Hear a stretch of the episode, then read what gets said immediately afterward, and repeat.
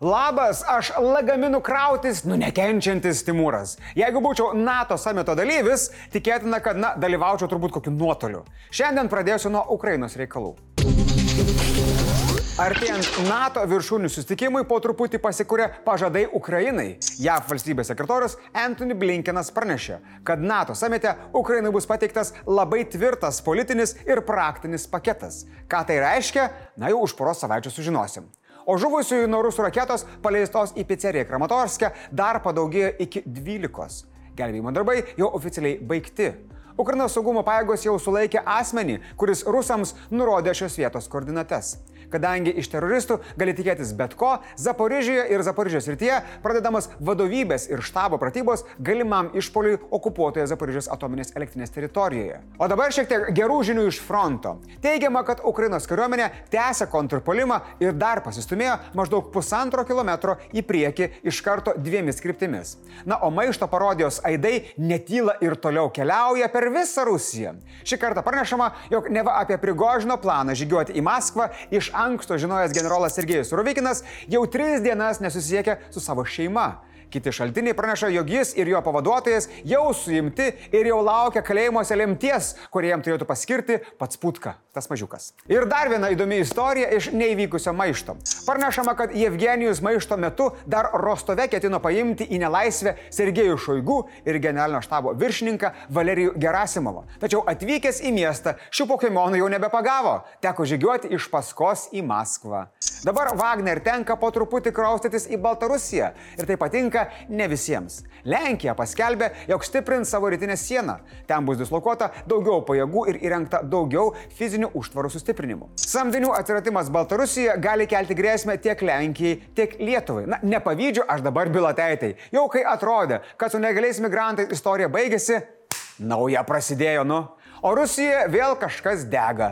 Ten Nižnį Novgorodę užsidegė dažų ir lako gamykla Balizam. Na tai tikras Balizam mūsų sielai, ne? Kaip gaisras įsiplėskė, neaišku, bet koks skirtumas. Svarbiausia, kad gražiai dega.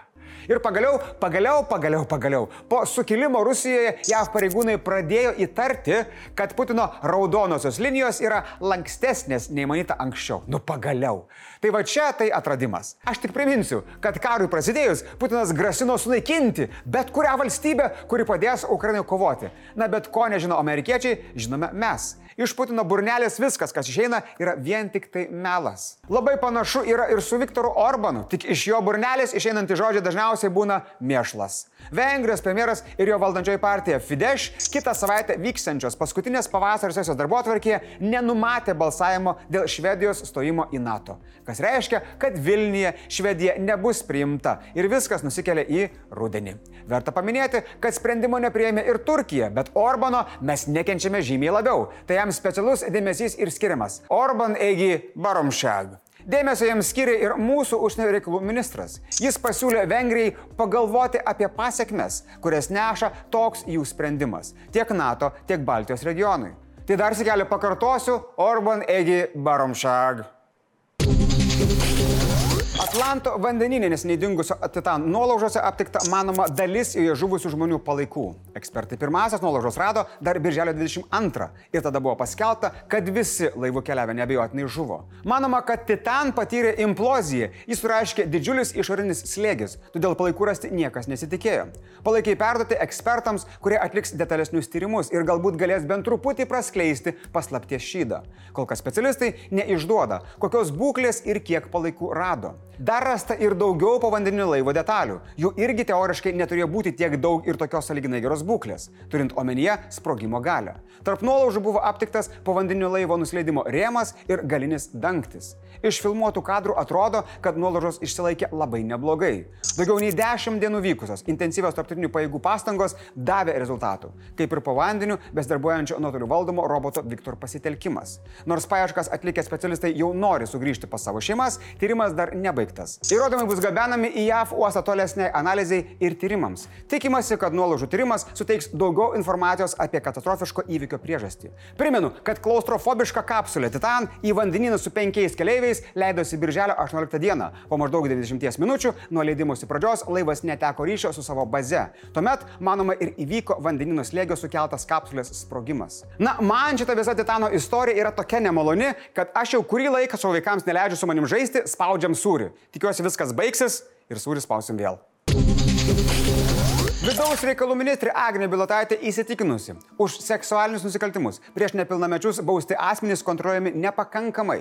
Nepaprastai svarbu užkirsti kelius jiems dirbti su vaikais. Taigi ministrė inicijavo įstatymų pataisas, kuriomis siūloma nustatyti prievolę seksualinio pobūdžio nusikaltimus padariusiems asmenims pranešti darbo inspekcijai apie darbo vietos pakeitimą.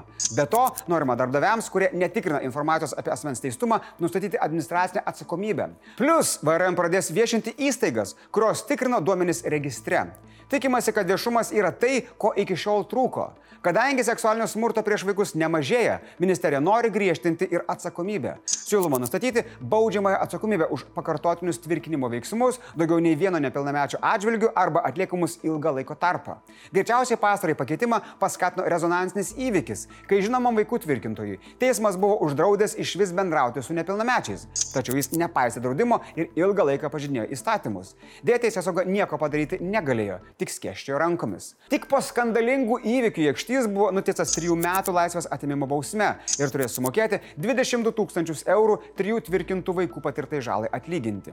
Tiesa, reikalas dar nesibaigė, nes nuteistasis labai nenori į kalėjimą, skundžia teismo sprendimą bei siekia bausmės atidėjimo. Beje, Virutis jau anksčiau buvo nuteistas panašaus pobūdžio byloje, kurie nukentėjusiais buvo pripažinti keturi nepilnamečiai. Pedofilijos bėdos Lietuvoje nesibaigė. Maždaug 70 Lietuvos tikinčiųjų kreipėsi į šalies katalikų bažnyčios vadovybę, ragindami sudaryti nepriklausomą komisiją tirti dvasininkų seksualinio smurto atvejus. Na, kad tai bus minimum kryžiaus žygis, abejonių nėra. Tai su Dievo palaima mėlyjei. Blitz naujienos. Ministrė Agnė Bilotaitė valstybės sienos apsaugos tarnybai pavedė papildomai sustiprinti iš Baltarusijos ir Rusijos Kaliningrados ryties atvykstančių asmenų patikrą. Pasienio pareigūnai atidžiau tikrins per Lietuvos teritoriją tranzitų keliaujančių asmenų dokumentus ir vizas. Pasak Bilotaitės, jei grėsmių lygis regione pasikeistų, pasirinkta uždaryti ir valstybės sieną. Naujausios griežtinimų priemonės yra susijusios su bendra saugumo situacija regione. Atlikusi patikrinimą valstybinė energetikos reguliavimo taryba nusprendė įpareigoti įsipareigojimų klientams nesugebėjusią įvykdyti ir veiklą sustabdžiusią elektros tiekėją Perlas Energiją per mėnesį į valstybės biudžetą gražinti daugiau nei 4 milijonus eurų. Bendrovės vadovas Vilius Juraitis teigia, kad skūs sprendimą. STT pradėjo iki teisminį tyrimą dėl praėjusios kadencijos Lasdijų rajono tarybos narių naudotų kanceliarinių išmokų. Į čekiukų skandalą pateko ir merė Ausma Miškinienė, prisipažinusi, jog už kurą mokėjo net 43 skirtingomis kortelėmis. Pasidžiaugdamas dar vienu pradėtų tyrimu, Andrius Tapinas primena, kad iš LSDP ir Sinkevičiaus vis dar laukiam atsakymų. Tuo metu prokuratura pradėjo viešo interesų gynimo tyrimą dėl panašių aplinkybių kretingoje. Nice. Kadenciją baigiantis Vokietijos ambasadorius Lietuvoje Matės Azonas sako, kad Berlyno pareiškimas dėl nuolatinio brigados dislokavimo Lietuvoje yra sunkaus darbo, o ne viešos komunikacijos rezultatas. Jis sakė, kad per metus dalykai pasikeitė. Mažiausiai 150 žmonių buvo suimti Prancūzijoje per antrą naktį besitęsiančius smurto lydimus protestus. Smurtinės demonstracijas užprovokavo incidentas, kai policija sustabdžiusi vieną automobilį į krūtinę nušovė jį vairavusi 17 metų Naelį. Susirėmimai išplito iš Paryžiaus priemeščių į kitus miestus, įskaitant Tulūzą, Dižoną ir Lyoną. Prancūzijos prezidentas Makronas skatina žmonės nusiraminti po nepateisinamo smurto. Draugai, šiandien komentaruose aš klausimą jums neturiu, tiesiog parašykit, kaip jaučiatės. Labai labai įdomu, nes nu tokie žinai laikai. Beje, keturkojai tikrai yra geri žmogaus draugai. Kai pamirštat, kad juos reikia pamaitinti, jie jums būtinai apie tai primins. Net jei ką tik juos pamaitinot.